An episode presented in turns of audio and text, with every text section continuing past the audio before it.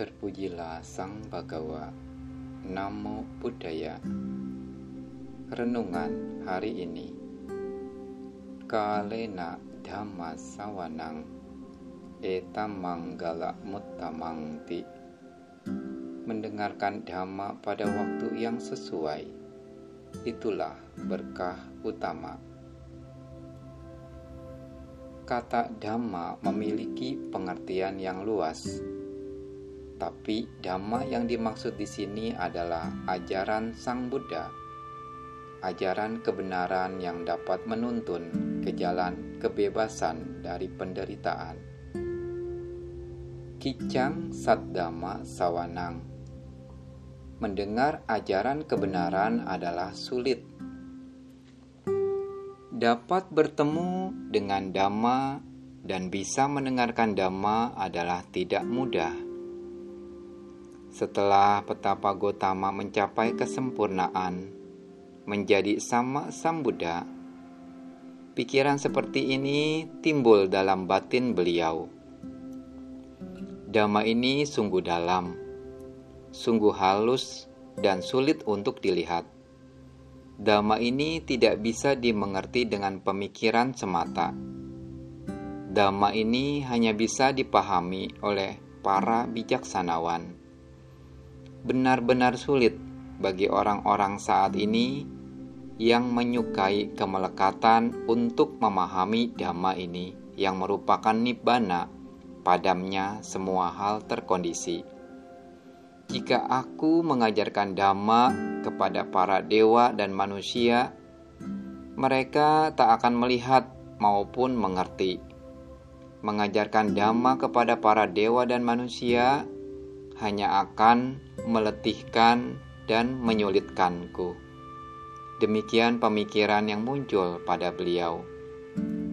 Namun, setelah dimohonkan oleh Brahma Sahampati dan karena kasih sayang beliau kepada makhluk-makhluk, akhirnya beliau membabarkan dhamma. Hingga saat ini, kita masih bisa bertemu dan mendengarkan dhamma yang pernah beliau babarkan. Sungguh hal yang sangat beruntung dalam kehidupan ini kita dapat bertemu dengan dhamma. Kapan waktu yang sesuai untuk mendengarkan dhamma? Dalam komentar dijelaskan, waktu Waktu yang sesuai untuk mendengarkan dhamma adalah yang pertama, pada saat tidak sibuk. Kalau kita sedang sibuk dengan aktivitas, sibuk pikirannya dengan rencana, hayalan, cita-cita, sulit untuk bisa fokus terhadap uraian dhamma. Maka saat mendengarkan dhamma, tinggalkan untuk sementara semua aktivitas dan kesibukan. Yang kedua, pada saat tidak sedang sakit. Pada saat sakit, biasanya orang hanya mengeluh dan mengeluh, merintih dan meratap, mengharap kesembuhan. Nah, salah satu penyakit yaitu kelaparan Hal ini juga harus di, diatasi terlebih dahulu sebelum mendengarkan dhamma. Karena saat lapar, sulit untuk bisa tenang mendengarkan dhamma. Saat yang tepat dalam mendengarkan dhamma adalah di saat kita sedang sehat. Yang ketiga, pada saat tidak mengantuk. Di saat ngantuk, orang akan terlihat lemas, tidak ada semangat, dia tidak memiliki kesadaran yang penuh, seperti lampu yang akan segera padam.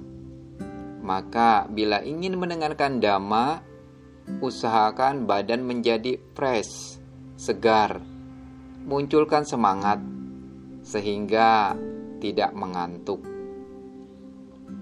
Di samping tiga hal di atas, yaitu saat tidak sibuk, saat tidak sakit, dan saat tidak mengantuk, ada hal-hal lain yang perlu diketahui yang menyebabkan seseorang tidak dapat mengerti dhamma ketika khotbah dhamma sedang disampaikan, yaitu yang pertama, dia memandang rendah terhadap materi dhamma yang disampaikan. Kedua, dia meremehkan pengkhotbah dhamma yang sedang membabarkan dhamma.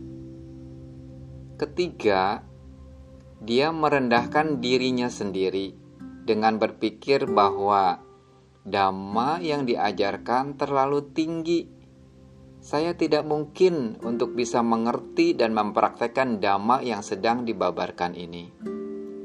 Keempat, saat mendengarkan dhamma, batinnya sedang dikuasai moha. Pikirannya sedang kacau, tidak menyimak uraian dhamma dengan baik. Yang kelima, dia sombong, menganggap dirinya sudah paham padahal dia belum mengerti.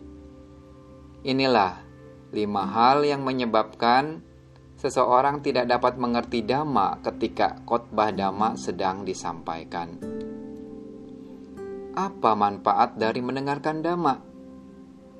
Manfaat dari mendengarkan dhamma yaitu dapat mengetahui hal-hal yang belum diketahui. Hal-hal yang sudah didengar sebelumnya tetapi belum jelas akan menjadi jelas bila didengarkan kembali. Dengan mendengarkan dhamma dapat menghilangkan keraguan-raguan terhadap dhamma. Nah, sehingga membuat pengertian atau pandangan kita menjadi lurus dan benar. Saat kita mendengarkan dhamma, pikiran kita menjadi tenang dan bahagia Pengetahuan dhamma yang sudah kita dengar akan menjadi petunjuk arah ke tempat tujuan. Sebagai pelita di dalam kegelapan, sebagai rakit untuk sampai ke seberang, maka sangat penting bagi kita untuk mendengarkan dhamma agar hidup kita selalu sesuai dengan dhamma. Mendengarkan dhamma pada waktu yang sesuai adalah berkah utama. Sabbi satta bawantu suki tata. Semoga semua makhluk hidup berbahagia.